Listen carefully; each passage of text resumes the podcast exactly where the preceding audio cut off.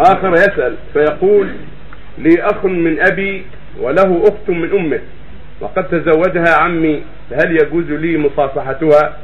وقد لي أخ من أبي وله أخت من أمه وقد تزوجها عمي فهل يجوز لي مصافحتها؟ لا أجنبية أخت أخيك من أمه لا هي أخت لك أجنبية زوجة عمك أجنبية ولكن تسلم عليها مع الحجاب أما المصافحة فلا لابد من الحجاب وعدم المصافحة إنما تسلم عليها بالكلام كيف حالك فلان؟ كيف أولادك؟ كيف أبي؟ لا في ذلك.